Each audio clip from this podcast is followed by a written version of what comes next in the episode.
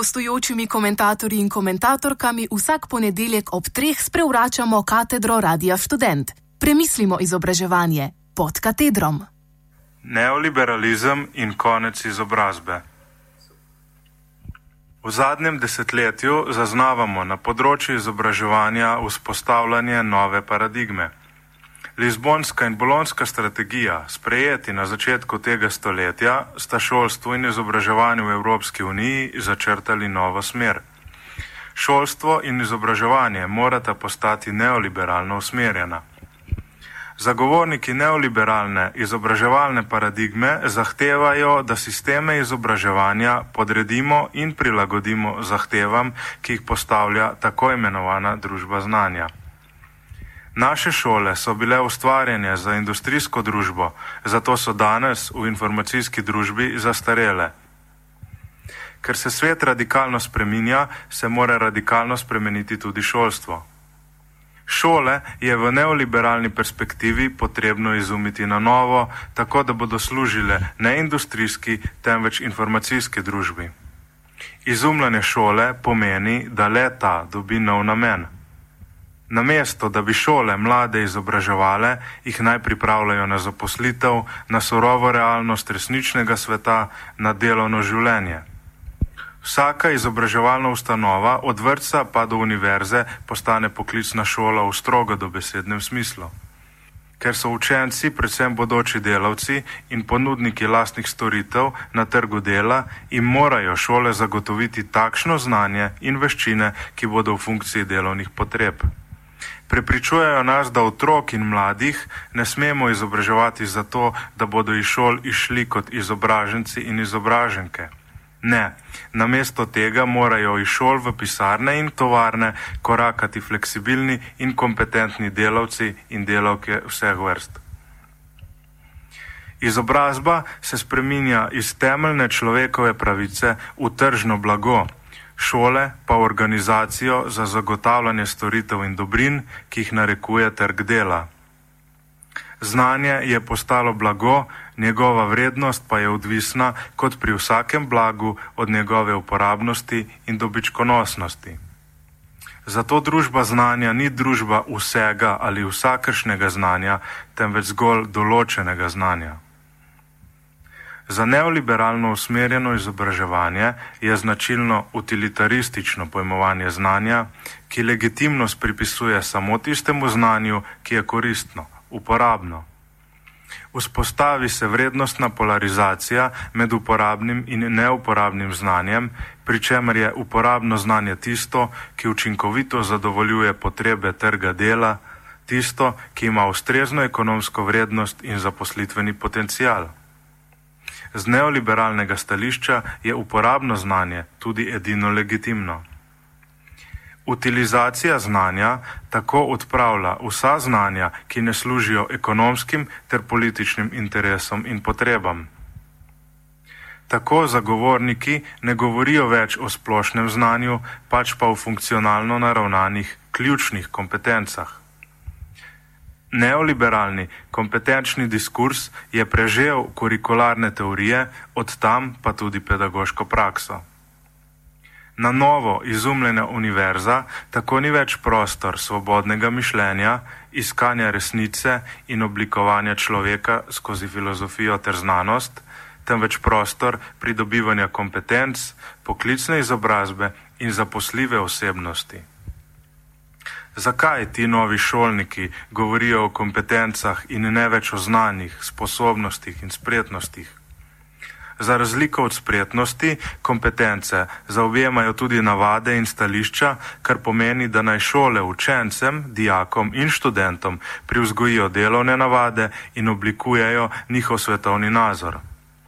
Poglavitna naloga celotnega neoliberalnega šolstva postane produkcija zaposljivih in trgu prilagodljivih državljanov, pripravljenih na delo pod še tako nespremljivimi pogoji. Adorno, Lyotard in drugi avtori pripovedujejo o koncu izobrazbe. Od antike naprej je bila ideja splošne izobrazbe neločljivo povezana z razvojem človekovih notrnih moči, njegovih intelektualnih potencijalov ter razvojem moči moralnega in estetskega presojanja. Humboldtovska univerza je izobrazbo razumela kot možnost, s katero lahko človeštvo povedemo iz barbarstva v civilizacijo. Humanistični projekt izobrazbe kot človekove samoosvoboditve, kjer izobrazba pomeni človekov izhod iz nedoletnosti, se tako umika neoliberalnemu projektu kompetenčnosti in fah idiotizacije. Znotraj te usmeritve postaja naloga šole predvsem socializacija, priprava posameznika na zaposlitev in na udeležbo v vsakdanjih družbenih, političnih in ekonomskih aktivnostih.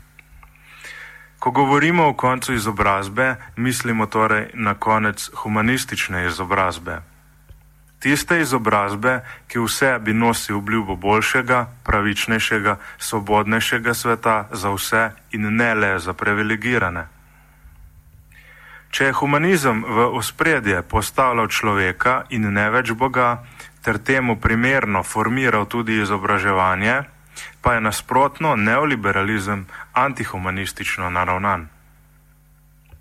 Čeprav neoliberalizem zase trdi, da najbolje zagotavlja svobodo posameznika, pa je ta svoboda fiktivna in fingirana. To je svoboda temelječa na neenakih možnostih in nepravičnosti. Neoliberalizem namreč postavlja v ospredje ekonomijo ter kapital in ne več človeka, ter temu primerno izumlja šolo za tretje tisočletje. Če je bilo 20. stoletje najbolj spolitizirano stoletje v zgodovini človeštva, pa vse kaže, da bo 21. stoletje najbolj zekonomizirano stoletje. Ekonomija se vrašča v vse pore življenja. V zvezi s tem lahko govorimo o ekonomizaciji politike, o ekonomizaciji kulture in v našem primeru o ekonomizaciji izobraževanja. Z neoliberalne perspektive je investiranje v šolstvo smiselno samo dokler uspešno investiramo v človeški kapital. Ekonomska rast ter povečana produktivnost postaneta poglavitna cilja izobraževalnega sistema. Javna univerza je razumljena kot institucija produkcije visoko kvalificiranih delavcev. Korpus vednosti celotne humanistike, ki bi ga po zgodovinski nalogi univerza naj posredovala študentom, nadomešča z omejenim korpusom uporabne vednosti. Neoliberalna izobraževalna paradigma uvaja razbijanje velike centralizirane javne univerze na nove majhne univerze in zasebne fakultete, organizirane kot podjetja v konkurenčnem boju.